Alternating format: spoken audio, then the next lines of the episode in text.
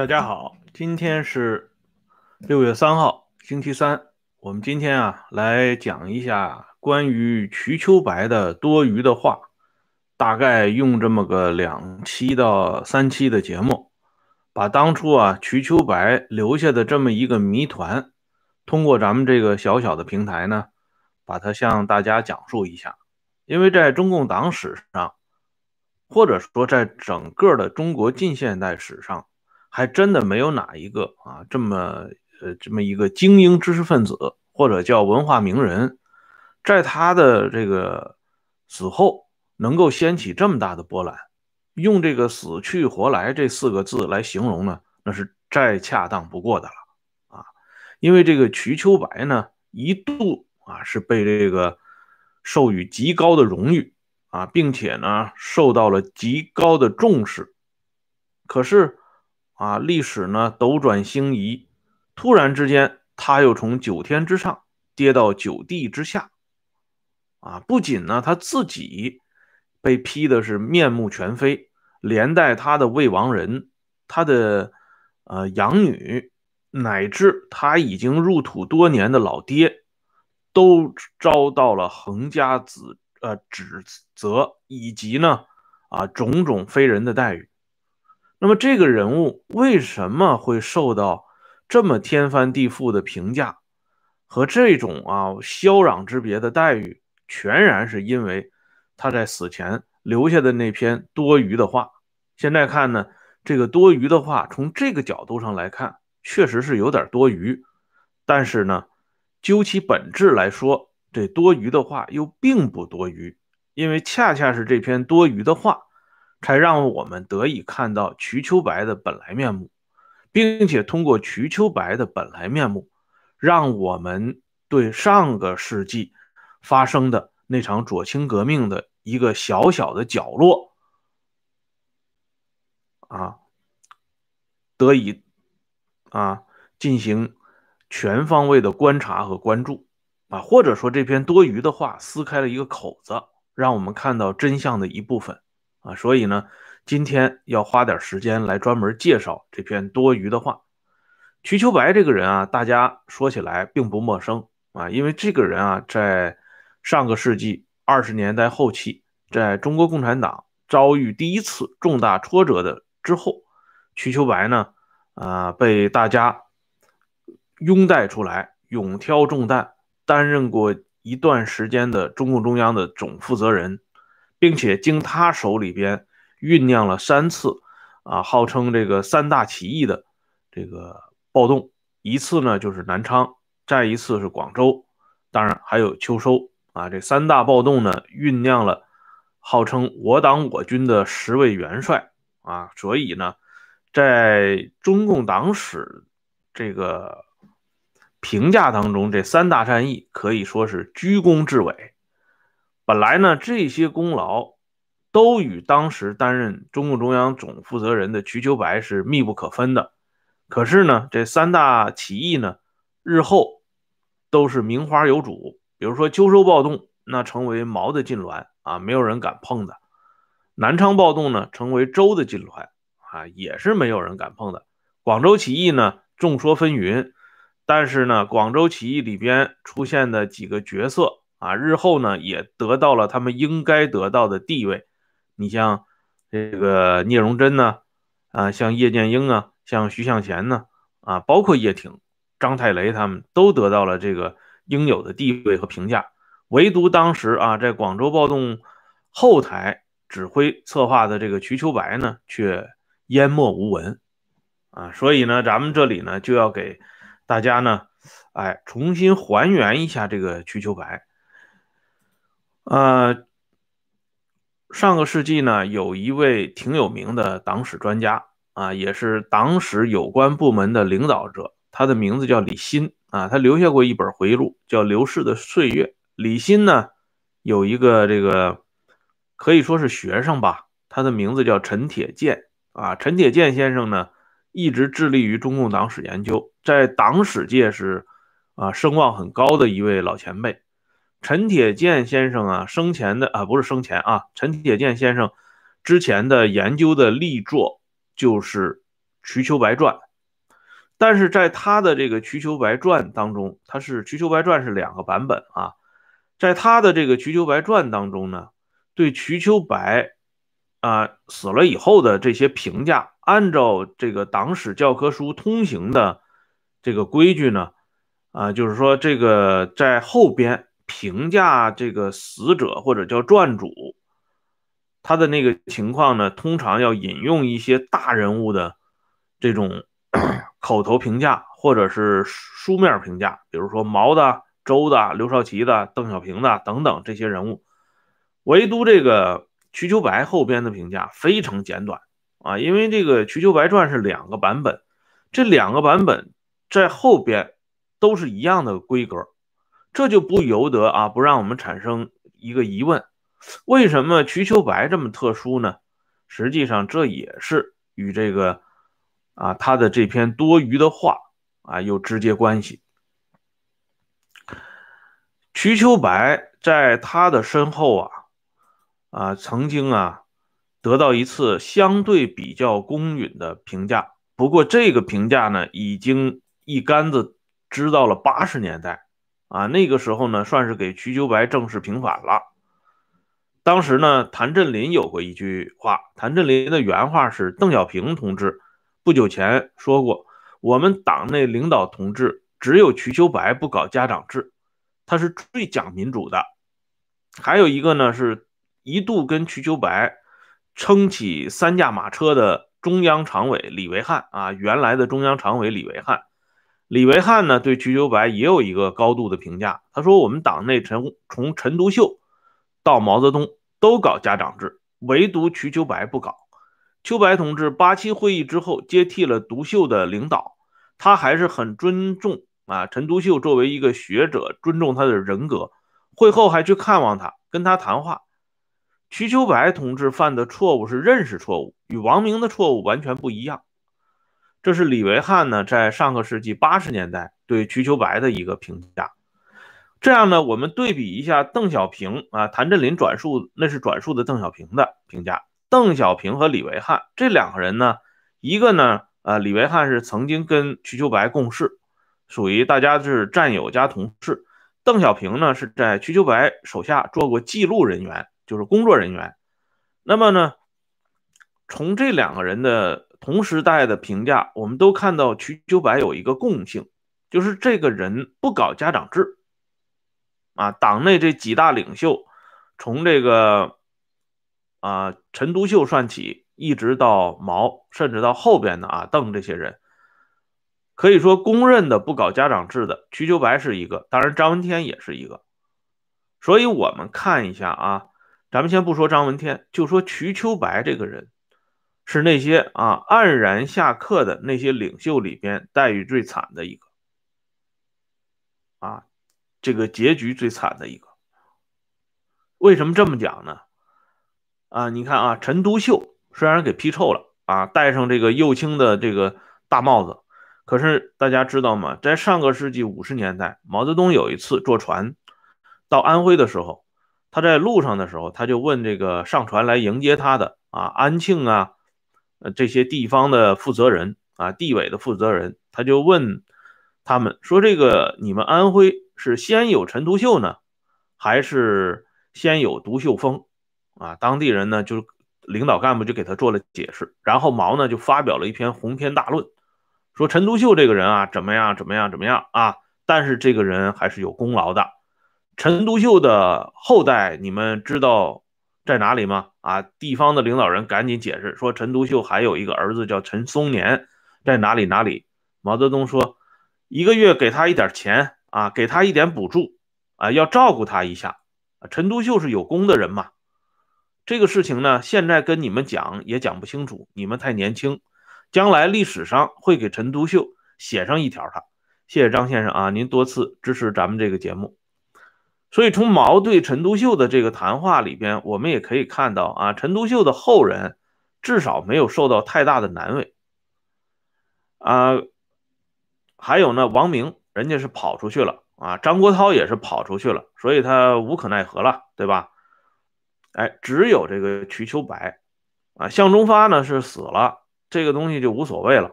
只有这瞿秋白真的很惨。瞿秋白的老婆杨之华啊，最后呢在文革中惨死，死前最大的愿望就是跟生女啊瞿都依见一面，啊层层传递，一直传递到周恩来那里，最终呢获得批准。如果不是看在杨之华已经行将就木的这个份上，恐怕这个女儿见母亲呢还是一个遥远的话题。啊，就到这种程度。那瞿都依自己呢？她号称是瞿秋白的女儿，老太太自己也很惨啊，丈夫和孩子都先她而去。所以这个瞿秋白呢，实际上他本来没有子女啊，认了这个瞿都一作为养女。但即便是这个养女，也没有传下后代来。所以瞿秋白不论是从精神上还是肉体上，他是这个中共。诸多领袖级人物当中最惨的一个人，况且呢，他身后还受到了那样的指指责和谩骂啊！谢谢老弟啊！所以这个瞿秋白呢，他之所以这么惨，从当时啊，刚才我们提到的邓小平和李维汉对他的那个评价当中，也可以管窥一二，就是说这个人不搞家长制，正是因为他不搞家长制。所以他不仅啊不可能兼容于这个党这个组织，甚至啊不可能兼容于这块土地，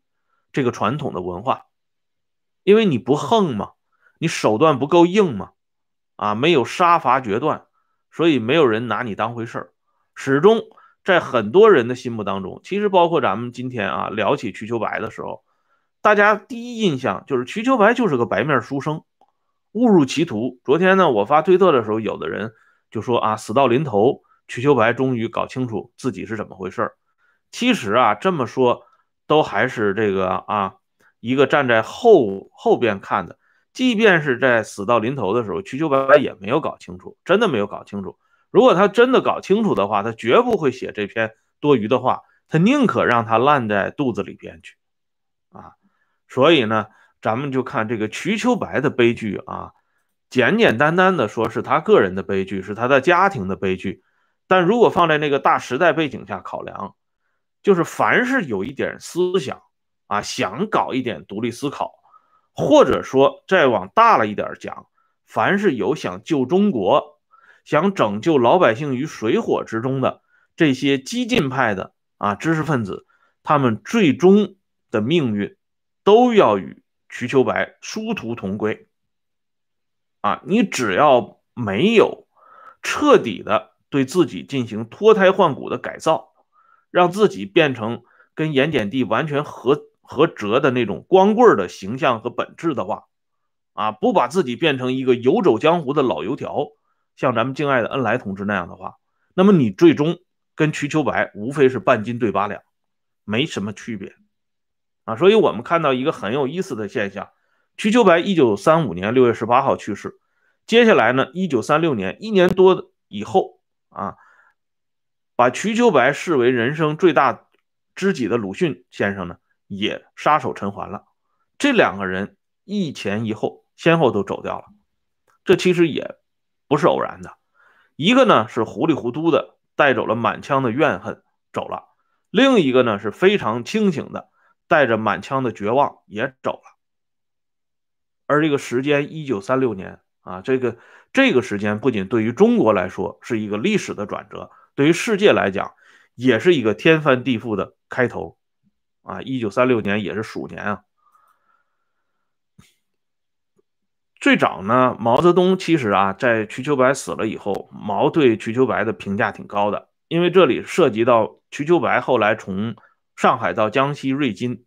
那个时候呢，毛是坐冷板凳的。啊，只有瞿秋白呢，拄着拐杖，偶尔去看看毛。两个人因为都是挨整的人嘛，又都是文人，所以这个两个人这个在一起聊的还是很愉快的。所以呢，后来毛呢，他对瞿秋白的评价挺高的。最早啊，在第二次啊这个中华苏维埃全国代表大会上，毛泽东呢给瞿秋白的评价是。流芳百世啊！毛当时的那个惨相呢？呃，刚才有个网友说确实很惨，这是他自己说的啊。其实他没那么惨啊。他不仅呢没他自己说的那么惨，而且那个时候呢隔三差五的他还可以吃到一只鸡啊。这个上级呢还经常给毛呢发一点这个慰问品。毛那个时候呢权威虽然被极大的削弱了，但是呢他想保个把人呢还是没啥问题。否则萧萧劲光按照当时的规定早就应该处决了啊。如果不是毛出面的话，啊萧劲光也就完蛋了。所以毛呢，这个后来啊，极极大的利用了这段这个走败城的事情，把自己呢说成了是一个苦孩子啊，人见人不爱，然后呢，把这个棍子呢打到了博古、王明、周恩来这些人身上，打到了张闻天这些人身上，然后呢，继续可以为所欲为。这个事情以后啊，如果有机会的话，可以详细讲一讲。今天这里不多说了。在第二次全国苏维埃代表大会上，毛对。瞿秋白有这么一个评价，那到了中共六届七中全会，也就是一九四五年的时候，这个时候呢，毛已经大权在握了啊，马上要召开中共七大了，在这时呢，给瞿秋白有一个定性，就是说认定瞿秋白同志是一个啊怎么样怎么样的，反正呢就是把他拔得很高的这个状态，甚至呢在延安时期啊，后来有人回忆过这么一件事情，这是两个人回忆的。一个呢是有一次毛泽东在谈到王明、博古、周恩来这些人错误的时候，就把瞿秋白呢举了出来。他说：“你看，秋白同志本来应该把他带走，应该跟我们一起去长征，可是就是因为啊这个教条宗派这些人要迫害他，强迫他留在苏区，结果呢他牺牲了。他身上呢患着重病，又不良于行。”又没有什么啊斗争经验，这样一个人给他留下来，其实就是把他逼上了绝路啊。毛说这个话确实是这么回事儿啊。问题是谁把他逼上了绝路呢？毛的意图很明显啊，就是啊王明、博古、周恩来他们这些人，让大家呢把仇恨集中到这哥仨身上，这样呢你们才会认为我现在发动的这场整风运动，针对教条宗派、经验宗派。是多么的正确啊！啊，这是毛一贯的做法啊，拉一派打一派嘛。再有一次呢，是萧三的回忆。我们知道萧三和他的哥哥萧子升和毛泽东的这种亲密的关系。萧三呢，从苏联回来以后去看望毛，两个人在窑洞里啊聊聊大天儿。萧三呢就说啊，当初你看看啊，这个你们长征啊，急急忙忙的走了，留下了何苏衡啊、毛泽覃。还有瞿秋白，他们这几个好同志，结果呢，他们都壮烈的牺牲了。谢谢郑先生啊。萧三呢，就是他提到这个啊，这个何苏衡和毛泽覃，他认为毛应该对这两个人啊有一个追思啊之情，因为毛泽覃是毛的亲弟弟，就不用说了。何书衡跟毛的关系，从新民学会啊，这个何胡子。跟毛的关系就非常之好，而且也是受了毛的牵连被打击的。结果呢，毛泽东对这个毛泽谭和何书衡这个话题呢没感兴趣，反倒是他对萧三提到的第三个人瞿秋白专门发表了议论。他说一句什么话呢？他说：“秋白同志可惜了，秋白同志如果不死，活到现在，来这个领导咱们边区的文化运动。”该是多么好啊！他还用了这么一个啊感叹语气，所以萧三对这件事情印象很深刻啊。毛泽东专门把瞿秋白挑出来来这个解释。实际上呢，从历史上看，在一九二七年之前的很长一段时间里边，毛对瞿秋白一直是属于这种啊。类似于甚至有点这个巴结的这个状态，这个有历史的当事人做回忆的，就当初能够向党内和党外正式宣传毛的那篇成名作《湖南农民运动考察报告》，对这个报告啊，呃，很重视或者是很欣赏的，第一个党内的领袖级人物就是瞿秋白，陈独秀其实看不上这么个东西，哎。但是呢，瞿秋白很喜欢这个。瞿秋白当时他的思想非常激进，所以他对毛的这个湖南农民运动考察报告，向党内很多人都推荐了。比如说他像罗亦农啊，像谭平山呢，像这个周恩来啊，像李维汉这些人都推荐过，甚至也向张国焘说过啊。但是呢，啊，张国焘呢对这个东西啊不怎么感冒，哎，所以那个时候毛泽东呢还专门给瞿秋白写过一封信，啊，就是说感谢秋白同志对我的这个文章的啊推崇，啊，就是那两那个时候那两个人的思想呢一下子就拉近了，所以毛直到这个时候啊，就是四十年代的时候，对瞿秋白的评价呢还是很正确的。而且呢，瞿秋白呢，在是呃，就是牺牲所谓的牺牲啊，十五周年之后，毛泽东有一个书面的表彰，他是这么写的：他说，秋白同志去世已经十五年了，在他的生前，许多人不了解他或者反对他，但他为人民工作的勇气没有顿挫下来，他在革命困难的岁月里坚持了英雄的立场。宁愿向屠刀走去，不愿屈服。秋白同志是肯用脑子来想问题的，他是有思想的。他的遗作的出版将有益于青年们，有益于人民的事业，特别是文化事业方面。这个时间段呢，是一九五零年，就说这个时候，毛对瞿秋白的评价都还是正面的。然而呢，接下来这情况就发生变化了，这变化很快啊。进入到六十年代的时候，毛的态度一下子就变了。一九六二年，毛第一次说啊，当时他是跟这个汪东兴他们讲，他说秋白的多余的话我看不下去了，无非是向敌人告饶，自首叛变。现在我就奇怪，为什么不宣传陈玉成，而宣传李秀成？为什么不宣传方志敏，而宣传瞿秋白？其实呢，这个。宣传瞿秋白也是他定的东西啊，要不然谁敢宣传瞿秋白啊？要不然周恩来、陆定一为什么千里迢迢去给瞿秋白这个安葬呢？到了一九六三年，这个事情呢进一步升级。这个事情呢是当时担任中共中央组织部部长安子文回忆的。安子文呢是刘少奇这一系统的啊，刘刘少奇呢一直很重视安子文。再加上当时安子文的这个地位又很重要，中共中央组织部部长嘛，所以有一次安子文就讲，他说那个时候呢，有一天，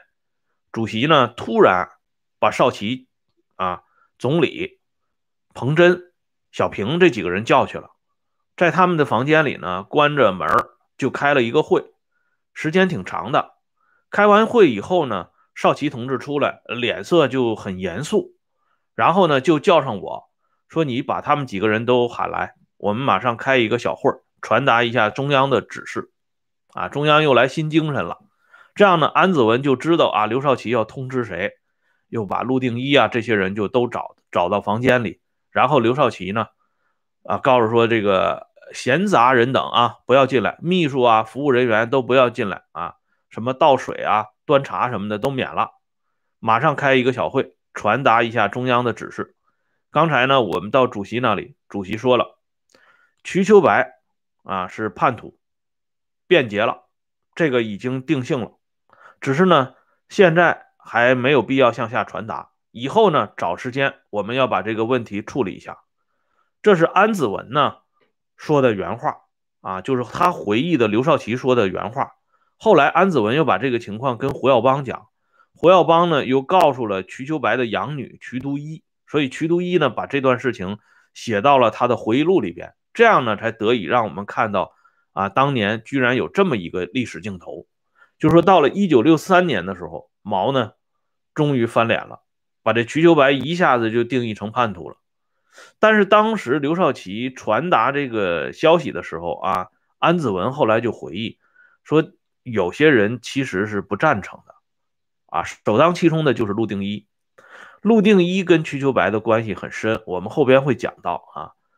就是不光是陆定一吧，还有些人认为这么做结论有点草率，包括谁呢？包括彭真啊，只是说彭真呢，当时他不敢说啊，后来到了上个世纪八十年代的时候，彭真就讲话了。彭真呢，啊说的原话啊，我就不给大家学了，因为他说的原话太长了，但是其核心呢，就是说。啊，当时听到少奇同志传达这个中央的这个指示啊，我是有看法的。瞿秋白同志坐的是国民党的牢，他没有向国民党出卖过组织上的机密，也没有出卖过哪一个同志，这样的就给他定义成是叛徒，是变节，呃，似乎呢，从哪个角度讲都是说不过去的啊。这个瞿秋白的这个定性，实际上彭真为什么这么讲？彭真也是兔死狐悲啊。因为彭真坐的这个牢的时间比瞿秋白时间长多了，如果瞿秋白这样的人都能给定性为变节和叛徒，那彭真实际上朝着这个方向也就不远了。因此，彭真当时心里有想法，那是完全能够理解的。也应该说，彭真的这个回忆呢，不是给自己脸上贴金，也应该是当时最真实的一种想法。谢谢李先生啊。这样呢，由于毛的这种变化，那么接下来啊。毛泽东告诉主持这个宣传工作的陆定一说：“以后瞿秋白啊不行了，你们要宣传方志敏啊。瞿秋白这个人不能再再谈了，因为这个时候还没有发动文化大革命，所以这时候的瞿秋白呢，只不过是被下架了啊，还没有受到进一步的迫害。那么现在我们回过头来来看周恩来，周恩来和瞿秋白之间的关系就更深了。”比毛泽东和瞿秋白之间的关系深好多呀，因为这两个人从这个地理上讲，他们是大同乡，都是江苏人啊。周呢生在淮安，瞿秋白生在常州，都是老乡。而且这两个人的属相都是一样的，都是属狗啊。周恩来呢是一八九八年三月五号出生，瞿秋白比他小，嗯，小一些，一八九九年一月份出生啊。他因为没有过那个农历嘛。所以他还是属狗的，所以周恩来呢就跟这个瞿秋白有一次开玩笑，他说我是大狗，你是小狗啊，我们两个人汪汪叫，把中国叫到天亮啊。周恩来甚至跟他说过这样的话。但是这两个人呢，咱们说啊，今天我们说周恩来和瞿秋白这两个人有相近的地方啊，这个心思呢都比较细腻啊，比较敏感，但是具体到性格上边来讲。周和瞿他们两个人差异太大了，啊，就是说瞿秋白拍马也追不上周恩来，啊，周这个人啊，他这个我给大家举一两个故事，一个故事呢是瞿秋白的老婆杨之华回忆的，他说有一次啊坐这个电车在上海坐电车，我们都看过那个电视剧电影里边旧上海的那个那种有轨电车。有一次坐电车的时候呢，有一个男的啊，就一直盯着瞿秋白看。当时在车上呢，瞿秋白和杨之华两个人并排坐在那里。这个男的因为一直盯着瞿秋白看，瞿秋白脸色就变得呃刷白啊，非常苍白，非常感到害怕。所以后来呢，这个杨之华就跟瞿秋白的朋友郑超林讲过，说秋白当时吓得够呛啊。哎，其实从这个例子上啊，我们就可以看到，瞿秋白这个人内心其实很脆弱的。可是呢，有另外一个故事啊，这一下子就能看出来啊，瞿秋白和周恩来之间的差异。这个故事呢，是来自于蔡和森的外甥，他叫刘昂。他有一个回忆，在回忆蔡和森的这个小册子里边，他说有一次呢，呃，周恩来要去找蔡和森，呃，商谈问题。但是周呢不知道蔡和森的住处在上海啊，因为彼此都是保密的嘛。所以呢，周恩来让蔡和森的外甥刘昂带路，说好了约定在永安公司碰头。刘昂去的时候呢，看到周恩来穿着长衫，戴着礼帽，从他身边走过，但是就是不打招呼啊。这也是因为地下工作必须具备的常识啊。这样呢，刘昂就明白了，他呢就搭乘了一个穿越南京路的电车回家。车开动的时候呢，他以为啊，我们俩不打招呼，我先上车，然后你呢找个机会也上电车。可是他发现呢，周没有上这个电车，所以刘昂很着急，以为是不是周忘了，或者是没赶上。在车上呢，一直就是坐卧呃不宁。等到这个电车呢沿着苏州河往家走的时候，却看见啊，周恩来站在垃圾桥边在等刘昂了。这样呢。刘昂下车啊，碰到周恩来，周恩来就告诉刘昂说在闹市区啊，在秘密环境下要避开闹市区。我知道你们的方向就从浙江路穿过来了。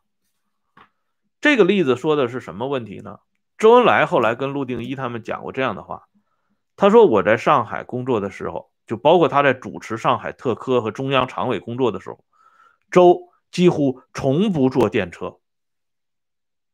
啊，这个人啊，就说他的精明和精细程度到了这这个状态。刚才我们举这个瞿秋白的例子，在电车上让人盯了几眼，吓得半死。但是周呢，人家干脆连电车都不坐。啊，这是一条，还有一个故事啊，给大家看一下。这个原来咱们国家很有名的一个官方的经济学家叫许涤新。说起这个人呢。这个凡是在经济领域里边的朋友，对这个名字都不应该陌生。这许涤新呢，在上个世纪四十年代，呃，在重庆的时候受过周恩来的直接领导，所以呢，他回忆的一件事情，在他的回忆录里边讲：一九四五年十月十九号，周有一次同包括他在内的一些人谈话，周讲过这样一番话啊。周的原话是这么说的，他说呢。我在中学时代，就是把这个心理学花了很大的功夫，下了很大的力气，把它研究明白了。啊，周讲过这样一番话，可见呢，这个人啊，周恩来这个人，人家在中学时代就已经潜心研究各种各样人的心理状态了。所以你看，后来周在整个的这个。不论是庙堂也罢，啊，江湖也好，人家是方方面面、里里外外啊，都搞的是顺风顺水，没有一个人能够轻易打倒他，始终处在屹立不倒的这个状态，就说明这个人他是有出人之处啊，啊，一般人是无法企及的。就瞿秋白这样一个书生，你想想，跟这一跟这么一个老于世故的周恩来相比。他怎么能不被周恩来玩弄于股掌之间呢？这瞿秋白一生啊，咱们说固然是因为毛点了头了，把这个呃瞿秋白彻底给打翻在地了。但是周在瞿秋白身上所起的这些反作用，如果一一列举出来，那也非常让人瞠目结舌的。但是今天这个时间呢，啊，已经差不多了，所以我们今天呢就不打算过多的来说，明天啊。有时间，我们把这个周恩来和瞿秋白他们两个人的历史渊源给大家详细讲一下，这将是一个非常有意思的事情。好了，谢谢诸多朋友的支持啊，我们明天接着聊，再见。哦，顺便说一下啊，那个李树先生的节目啊，这个周五是啊，美国东部时间星期五早上八点。啊，中国的时间呢是，呃，应该是这个星期六啊，大家这个留意一下他的推特和他的那个油管的自媒体啊，那上边都登了预告，我在我的推特上也登了预告啊，如果感兴趣的话，大家可以去听一下。好了，再见。